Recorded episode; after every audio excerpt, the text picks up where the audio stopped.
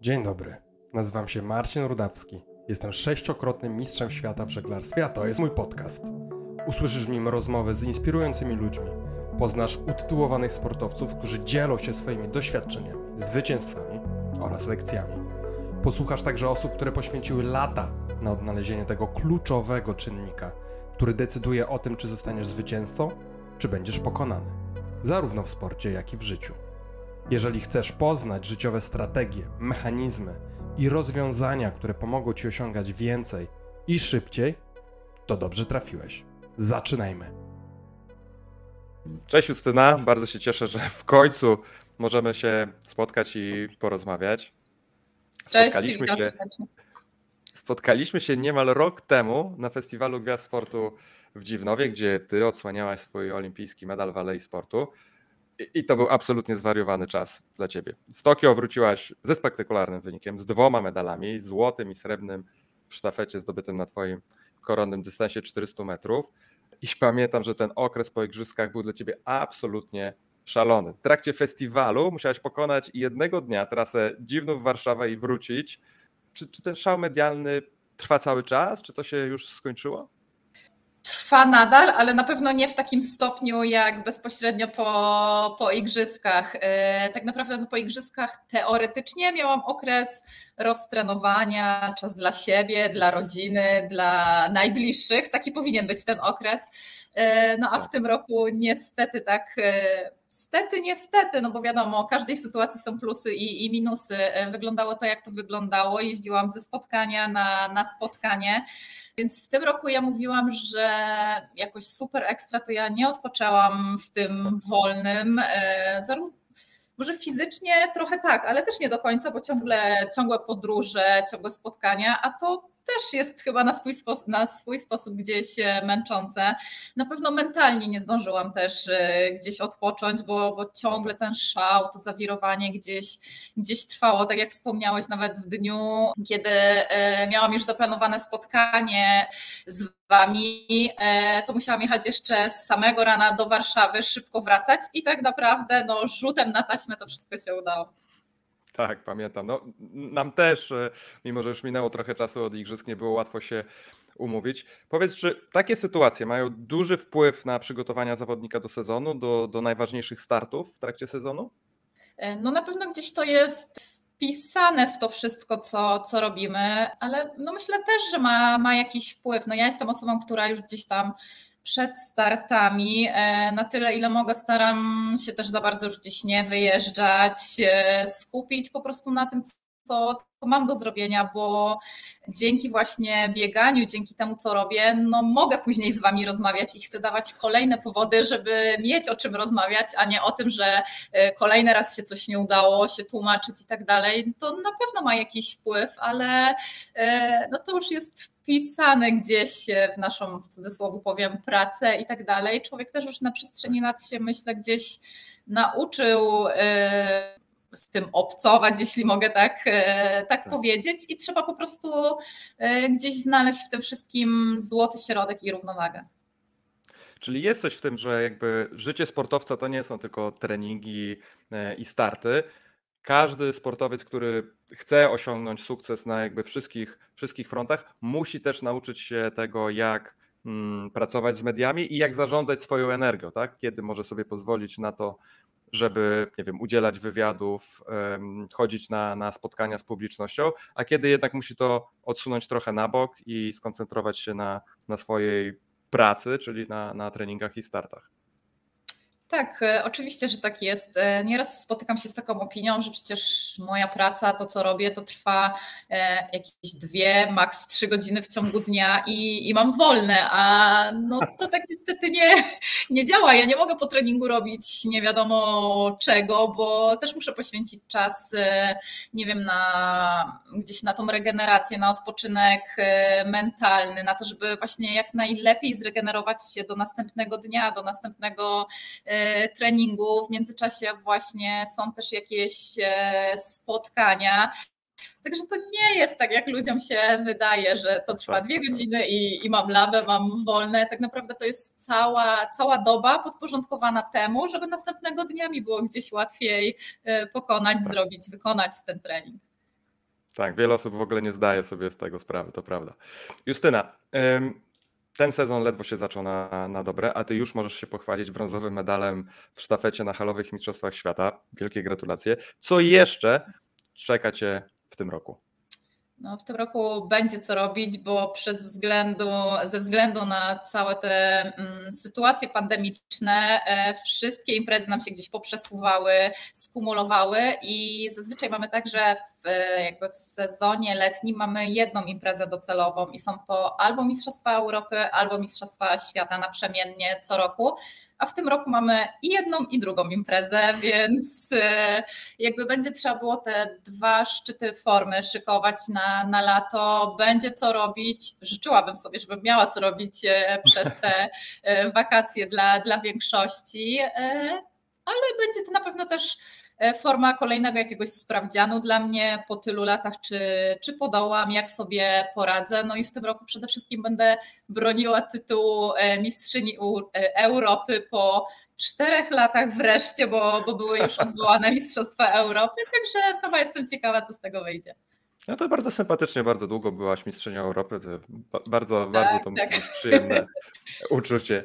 Mm, Justyna, wracając już e, do, do Igrzysk Olimpijskich i w ogóle do startów, jak bardzo, jeżeli w ogóle, różnią się od siebie starty indywidualne od tych w sztafecie? Czy, czy to wymaga innego rodzaju nastawienia mentalnego przed samym startem?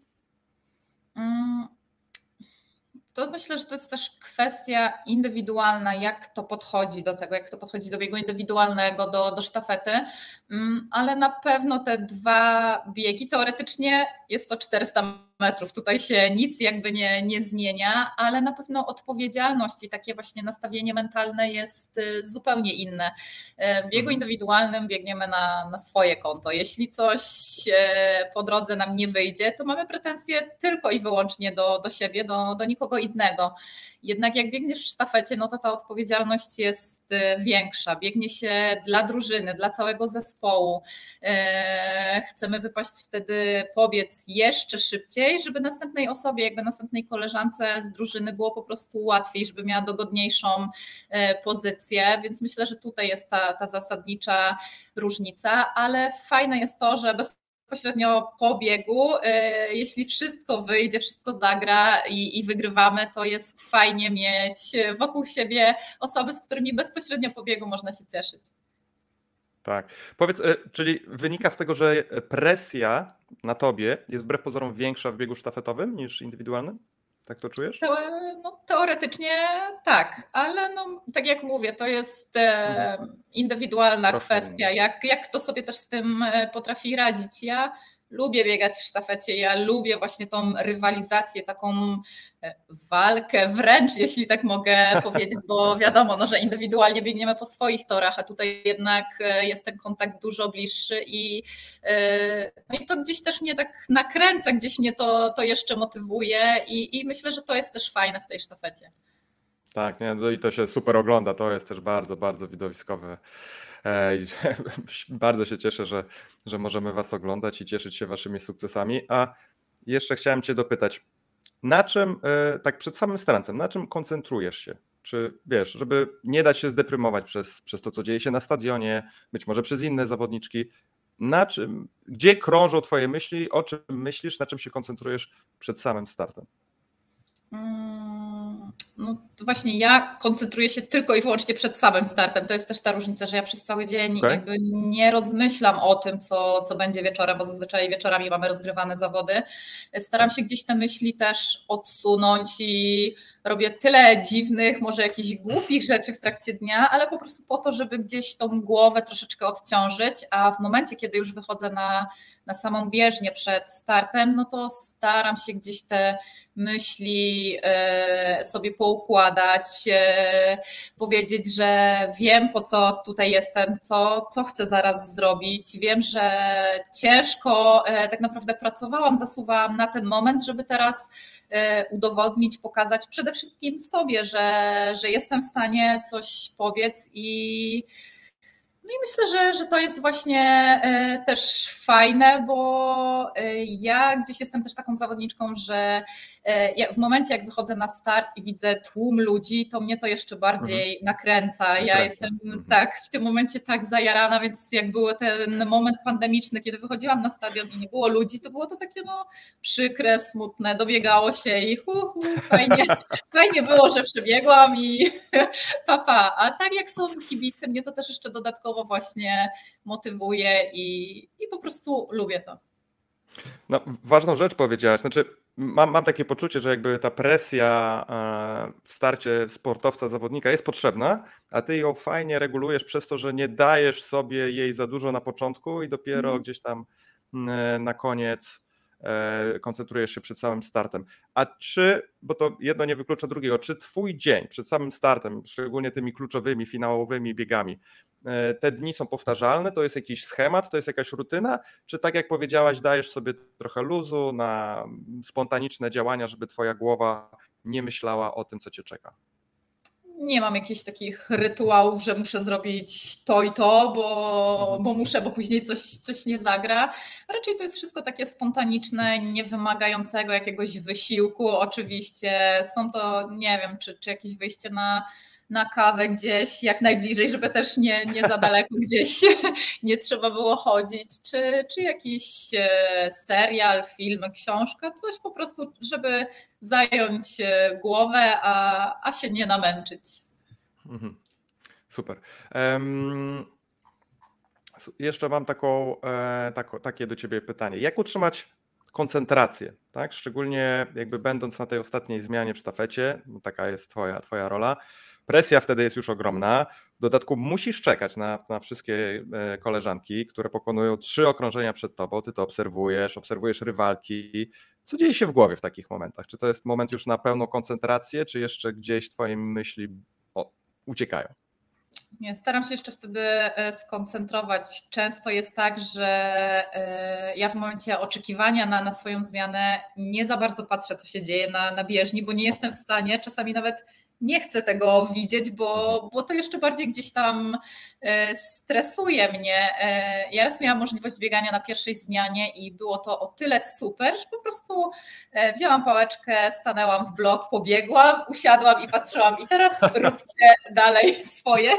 I, i to było fajne. Oczywiście gdzieś ten stres, ta presja była, bo, bo obserwowałam wtedy dziewczyny i chciałam, żeby jeszcze, jeszcze szybciej, ale na pewno było to fajne, że po raz pierwszy mogłam mogłam zobaczyć z boku tą sztafetę i, i brała w niej udział, bo tak jak mówię, jak biegam na ostatniej zmianie, to ja na to nie chcę patrzeć, nie patrzę i dopiero tak naprawdę zerkam w momencie na chwilę, zanim mam gdzieś tam już odbierać tą pałeczkę, jak sytuacja wygląda i, i, i co, się, co się dzieje. Właśnie minusem, ja uwielbiam czwartą zmianę, bo fajnie jest y, móc y, dobiegać, unosić ręce w geście zwycięstwa, tak ale no minusem jest takim, że muszę e, czekać te niecałe trzy minuty na, na, swo, no na swoją kolej po prostu. A czy to jest tak, że czujesz, że trener wybrał cię do tej czwartej zmiany właśnie dlatego, że tak dobrze radzisz sobie z tą presją, nie budujesz jej sobie przed startem, jesteś w stanie się z tego, co opowiadasz, całkiem nieźle zrelaksować przed samym startem. Powiem, że to nie udaje się wielu, wielu sportowcom. Ja sam nawet, e, nie wiem, przed startem do Mistrzostw Świata bardzo się denerwowałem i dzień wcześniej y, i to mnie dużo, dużo nerwów kosztowało. Mm, z tego, co opowiadasz, ty sobie radzisz z tym świetnie. Czy, czy, czy to cię predystynuje do tego, żebyś właśnie w tej czwartej zmianie biegała? Myślę, że, że tak. E, to nie jest tak, że trener po prostu sobie robi tak, tak i dobra, ty biegasz na mhm, pierwszej, mm -hmm. drugiej, trzeciej, no. czwartej, tylko e, on już na przestrzeni lat na tyle nas poznał, że wie, gdzie też dana zawodniczka będzie się czuła dobrze, komfortowo. E, ja pamiętam, że miałam raz taką sytuację na hali, gdzie do południa były eliminacje sztafety, a ja po południu miałam swój indywidualny finał, więc ja jakby obserwowałam dziewczyny z boku.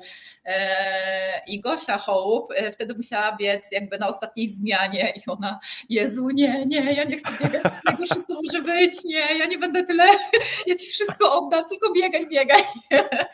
Więc e, no nie dla każdego zawodnika jest dobra ostatnia właśnie ta zmiana, ale też nie każdy by sobie potrafił, nie wiem, na pierwszy poradził na pierwszej zmianie, czy, czy to na drugiej, w momencie, kiedy trzeba schodzić do bandy i, i trzeba ruszyć na tyle szybko, żeby ustawić się dobrze. Także no, myślę, że tutaj każda zmiana tak naprawdę ma jakieś e, swoje zadanie i, i swoją gdzieś odpowiedzialność. Mhm. Dobrze, powiedz jeszcze, jak takie sukcesy, dwa medale z Igrzysk e, Olimpijskich, wpływają na Twoją motywację? Tak, no bo nie ma co, co ukrywać, trening biegacza to jest naprawdę super ciężka i intensywna praca. Czy nachodzą Cię chwile, kiedy najchętniej rzuciłabyś to wszystko, powiedziała sobie, że osiągnęłaś już dość i kiedy nie odejść, jak będąc na, na szczycie? Masz takie myśli? Nachodzą Cię?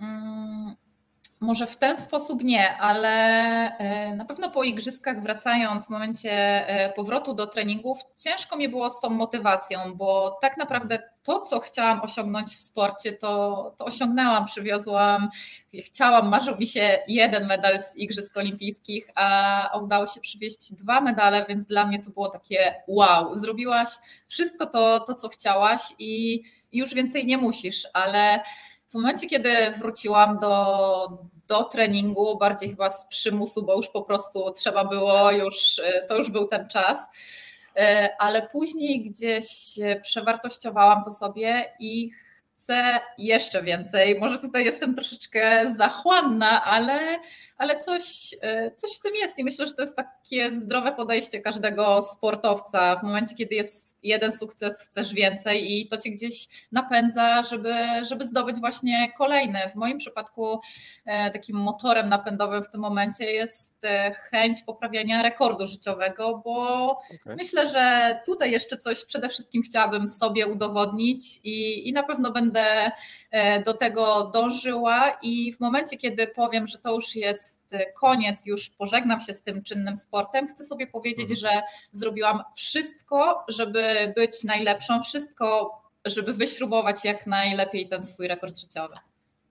Czyli, czyli kluczem do tego, żeby trochę na powrót po tym spadku motywacji po Igrzyskach Olimpijskich, żeby na powrót się zmotywować do, do, do ciężkiej pracy, było to, że wyznaczyłaś sobie nowe cele, że tak jak powiedziałaś, przewartościowałaś sobie swoje wcześniejsze cele, no bo celem było zdobycie medalu.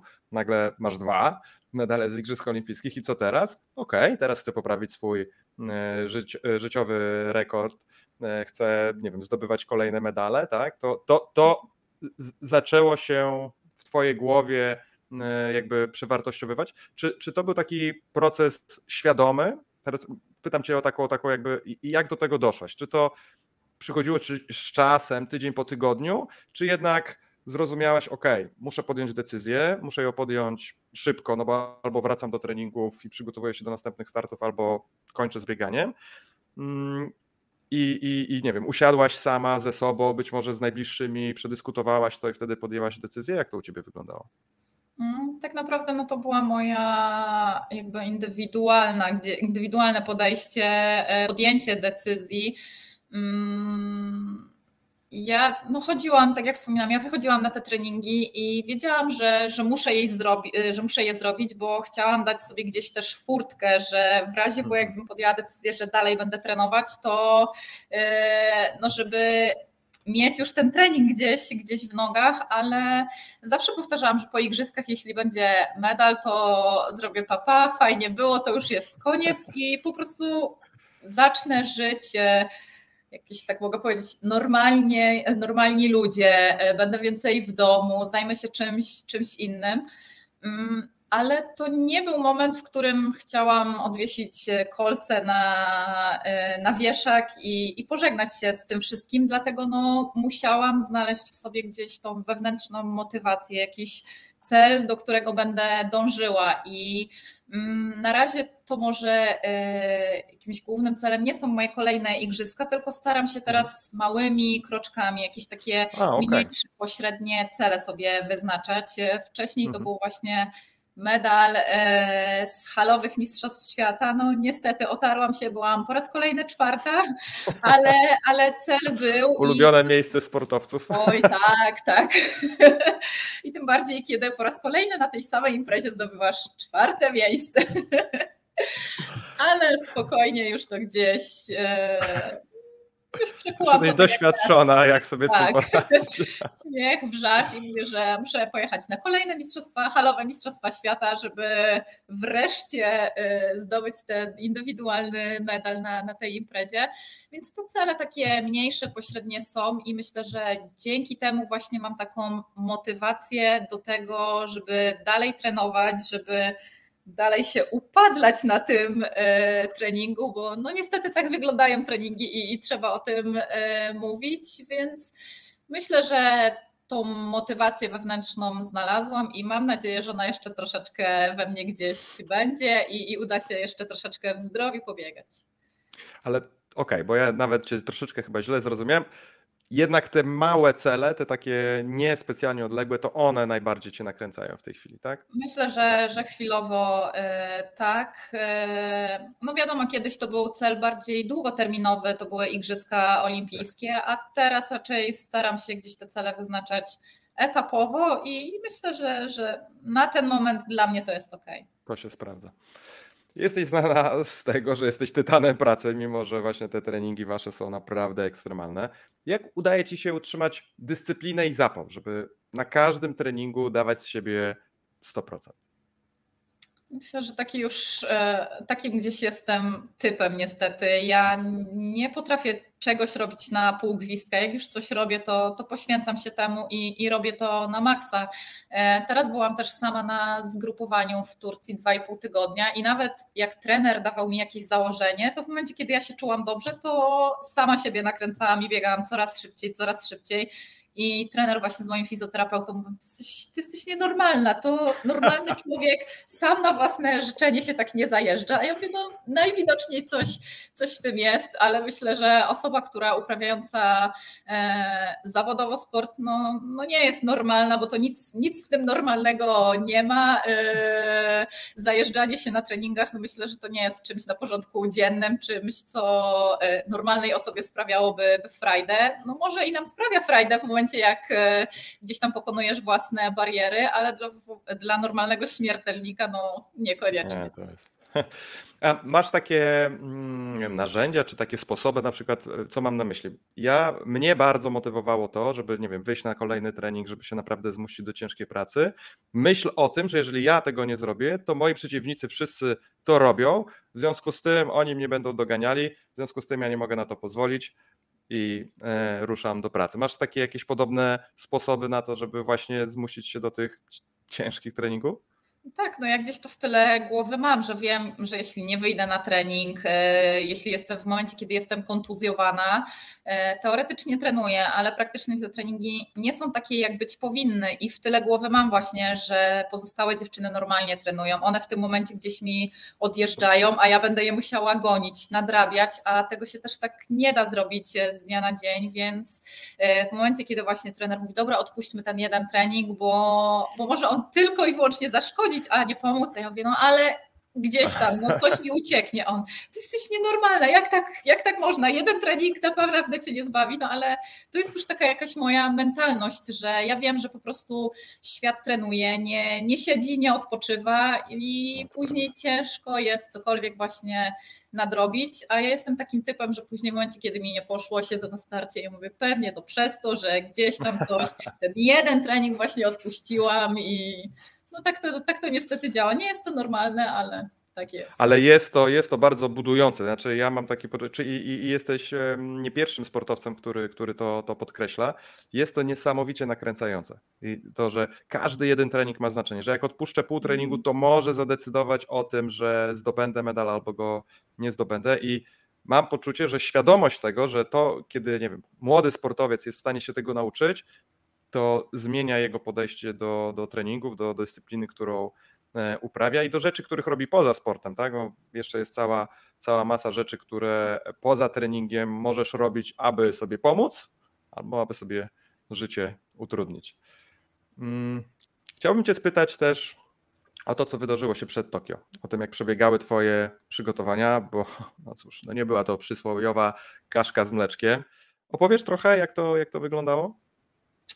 Tak, no e, ja totalnie inaczej wyobrażałam sobie ten moment przed igrzyskami. Myślałam, że to będzie czas, którego będę czerpała yy, dużo przyjemności, ogrom satysfakcji.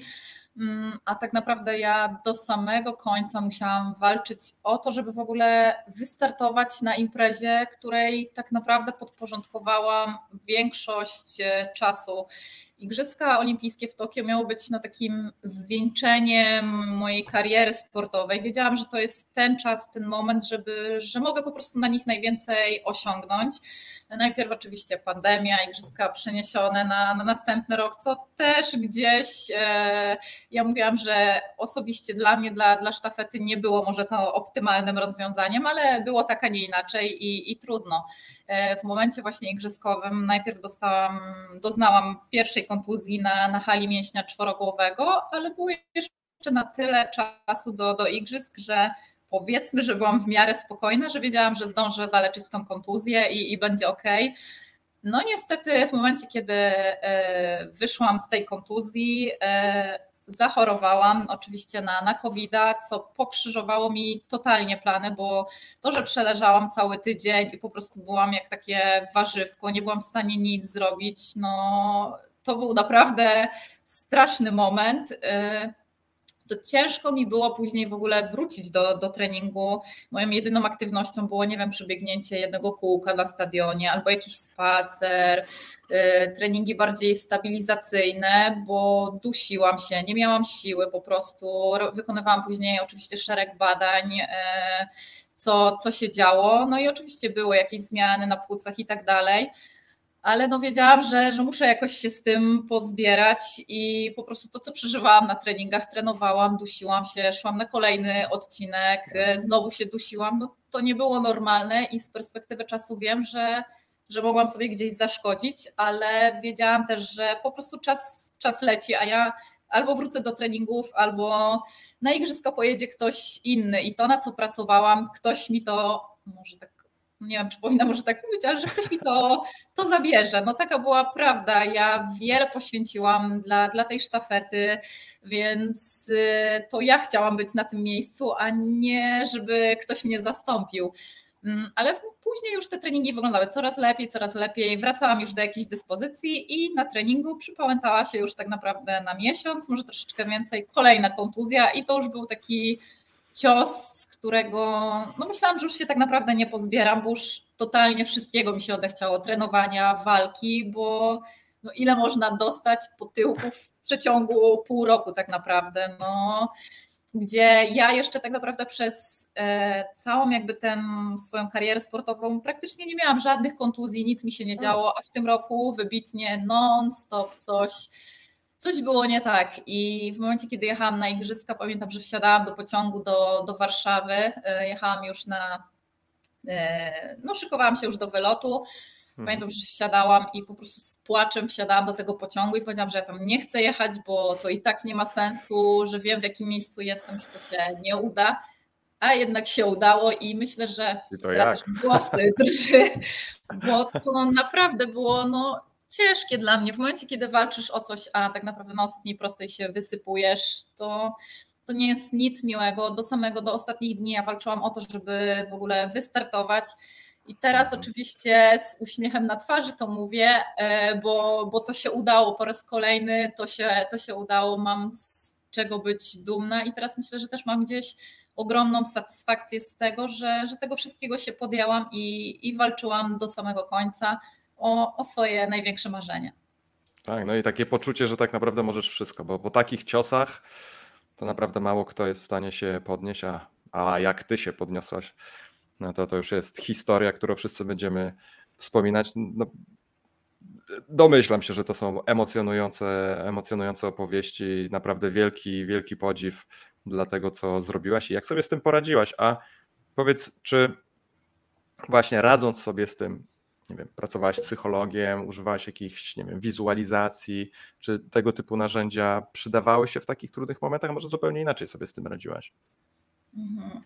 Myślę, że ja też wtedy tak gdzieś e, rozmowy z psychologiem odsunęłam na dalszy etap. Ja wtedy hmm. potrzebowałam poukładania sobie wszystkiego tego sama. Ja nie byłam w stanie z nikim okay. o tym rozmawiać, bo e, zaczynałam płakać. Ciężko mi było z kimkolwiek o tym rozmawiać, więc ja sobie radziłam gdzieś, poradziłam wewnętrznie sama z tym wszystkim, dzięki pomocy właśnie mojej rodziny i, i najbliższych osób, które były gdzieś tam już później bezpośrednio na zgrupowaniu przed igrzyskami ze mną, dzięki dziewczynom z drużyny, dzięki trenerowi, który też bardzo mnie wtedy e, wspierał, więc myślę, że, że to gdzieś mnie tam jeszcze zmotywowało te rozmowy, że nie po to walczyłaś tyle czasu, żeby, żeby poddać mhm. się na ostatniej prostej i, i coś w tym było. I pamiętam też, że e, w momencie, kiedy przebiegłam mm, sztafetę już żeńską, kiedy to już był dla nas koniec tej imprezy, kiedy walczyłyśmy srebrny medal, pomyślałam sobie, pierwsza moja myśl,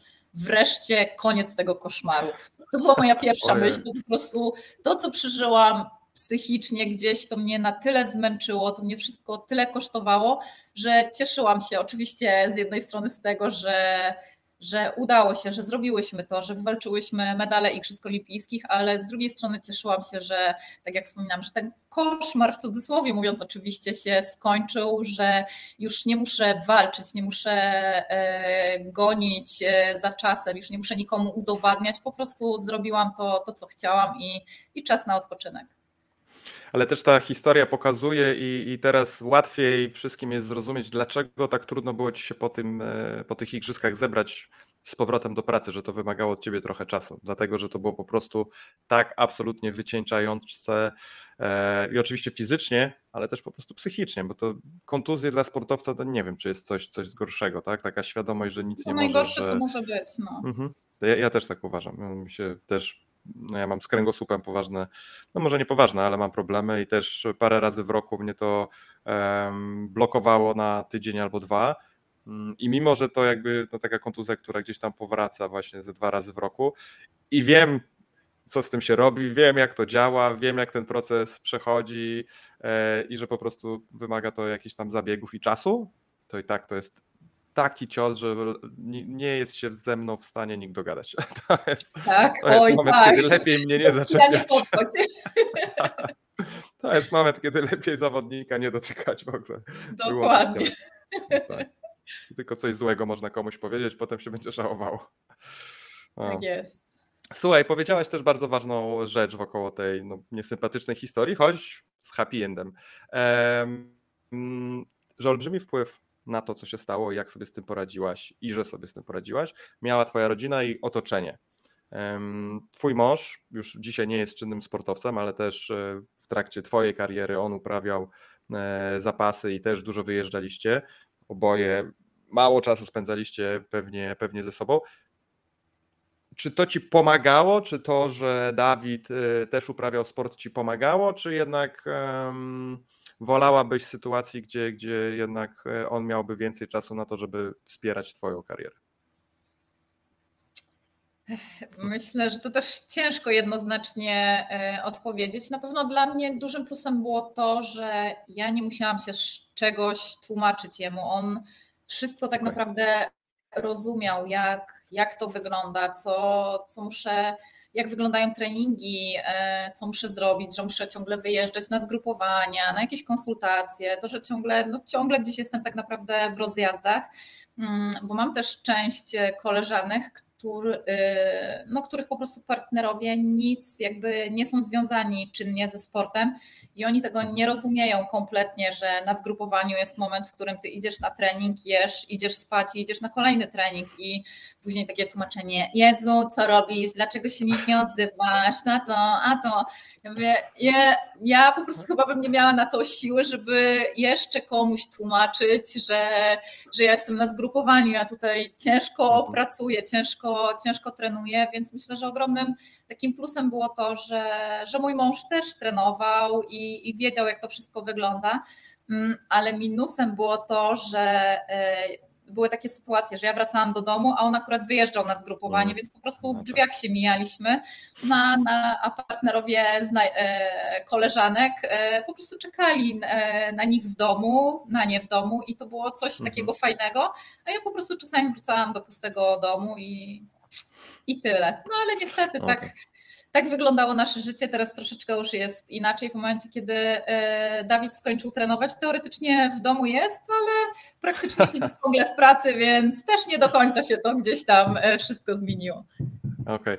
A powiedz, jak ważne jest dla ciebie to otoczenie? Które osoby z tego otoczenia, Twoim zdaniem, dla ciebie są najważniejsze i takie kluczowe w tym, żebyś em, dobrze się czuła, a dzięki temu mogła optymalnie przygotowywać do kolejnych startów?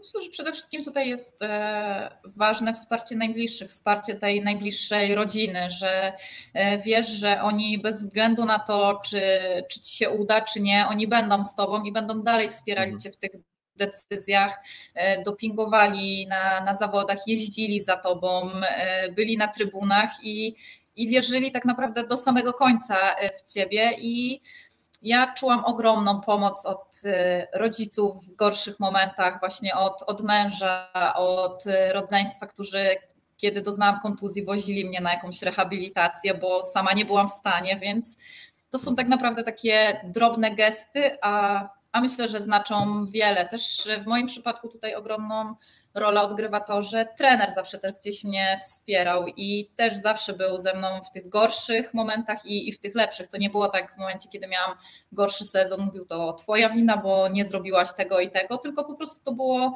gdzieś, e, on to przyjmował na klatę, mówi, że to jest nasza wspólna porażka i trzeba wyciągnąć z tego wnioski, żeby w następnym sezonie było dużo lepiej. Zbliżamy się już powoli do, do, do końca naszej rozmowy. Chciałem Cię spytać jeszcze o kilka, kilka rzeczy. Po pierwsze, które Twoje cechy, mm, czy wypracowane, czy, czy takie wrodzone, Twoim zdaniem decydują o tym, że mm, jesteś sportowcem z takimi sukcesami?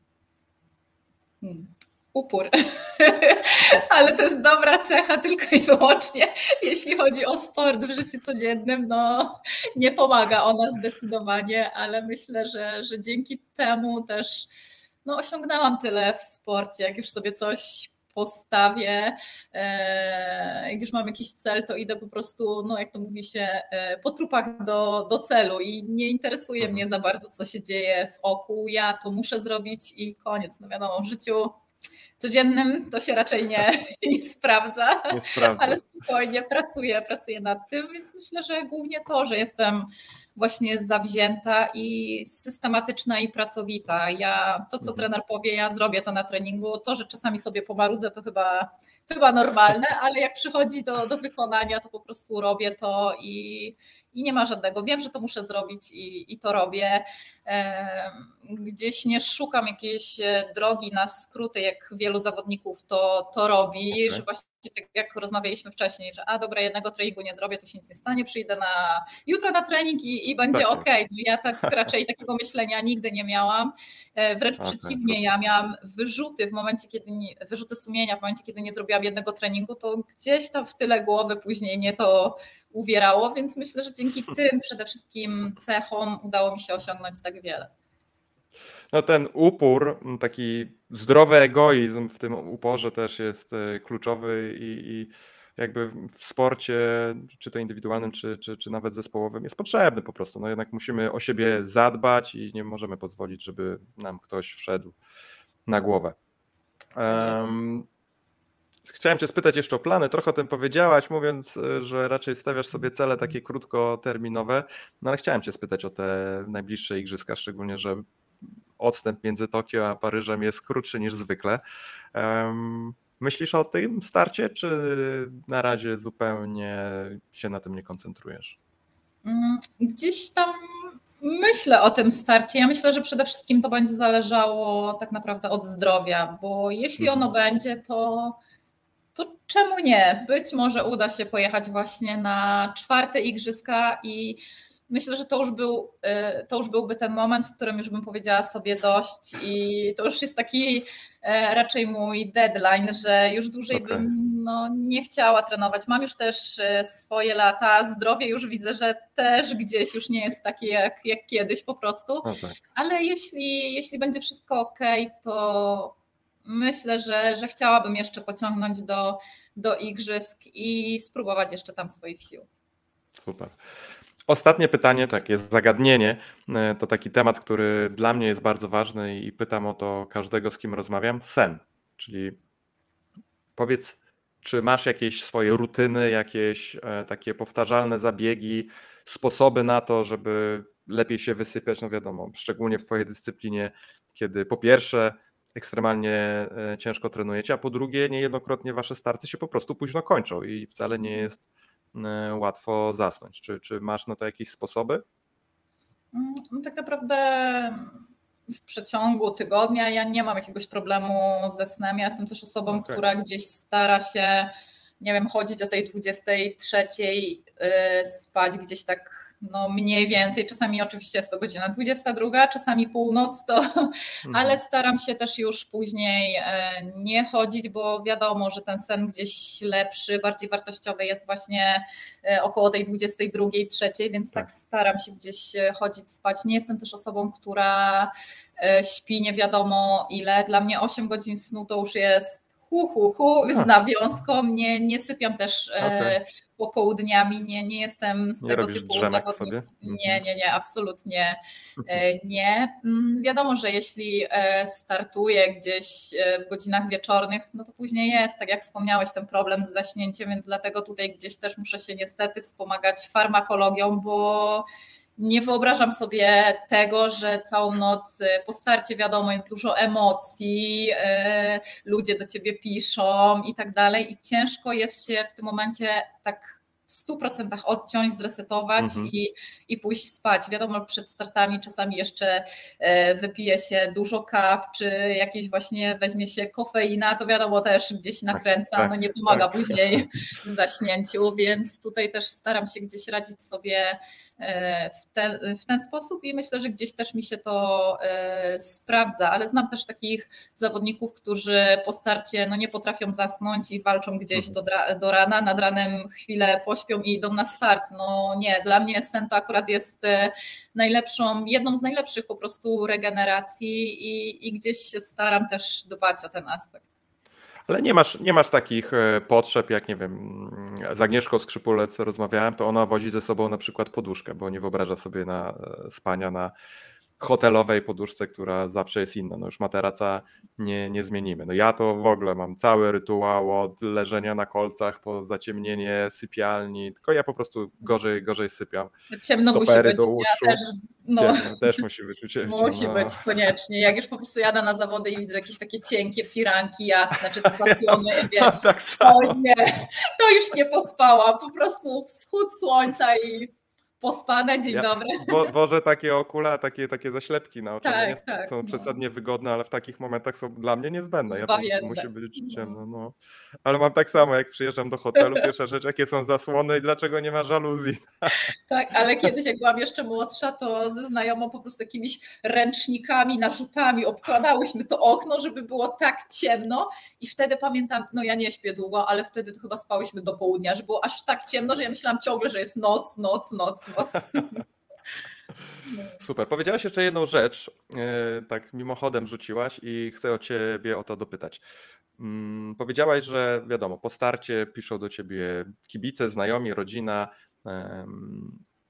Jak sobie radzisz, szczególnie w dzisiejszych czasach, jakby z social mediami, z, z, ze swoją popularnością, ale też z tym, że właśnie ten telefon no, jest takim naszym łącznikiem ze światem, dużo się tam dzieje, dostajesz mnóstwo wiadomości, czy, czy masz jakieś na to też sposoby, w sensie, nie wiem, pół dnia przed startem telefon jest wyciszony, tryb samolotowy go nie ma, a może ci to zupełnie nie przeszkadza, bo to jest to, o czym mówiłaś, e, sposób na zrelaksowanie się i tak naprawdę ty nie potrzebujesz więcej czasu niż e, tyle, co wejść na, na bieżnię i wtedy skoncentrować się na, swojej, na swoim zadaniu.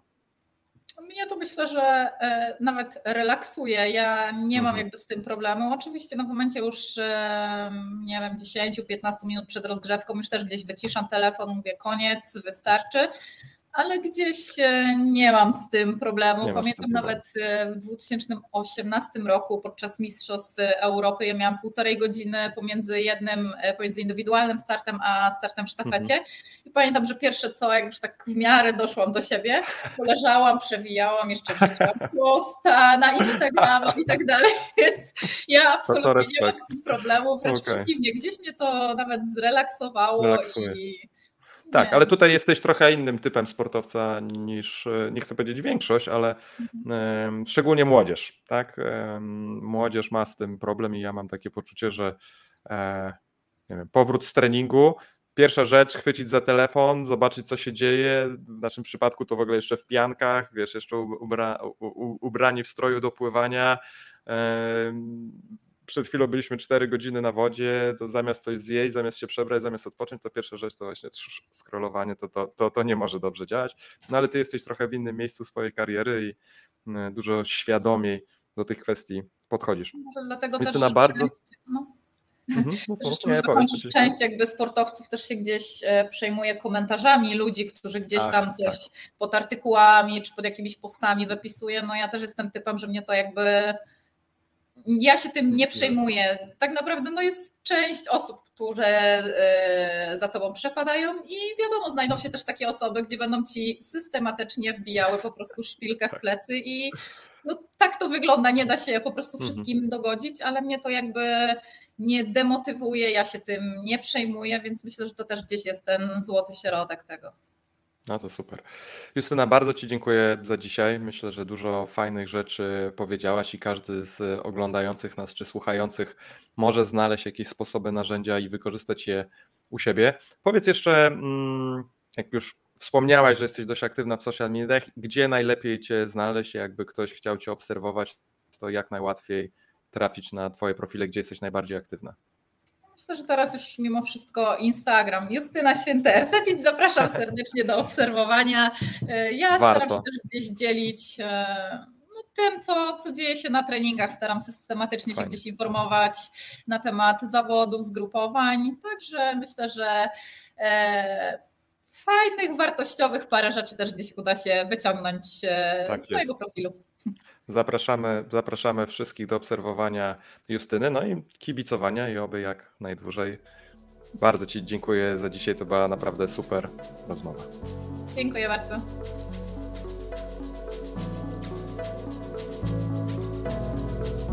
Dziękuję Ci za wysłuchanie tego odcinka podcastu. To wiele dla mnie znaczy. Jeżeli przyniósł Ci on wartość lub zwyczajnie miło spędziłeś czas, prośba o ocenienie i napisanie krótkiej recenzji w aplikacji, której używasz do słuchania podcastu. Z góry bardzo dziękuję i do usłyszenia. Cześć.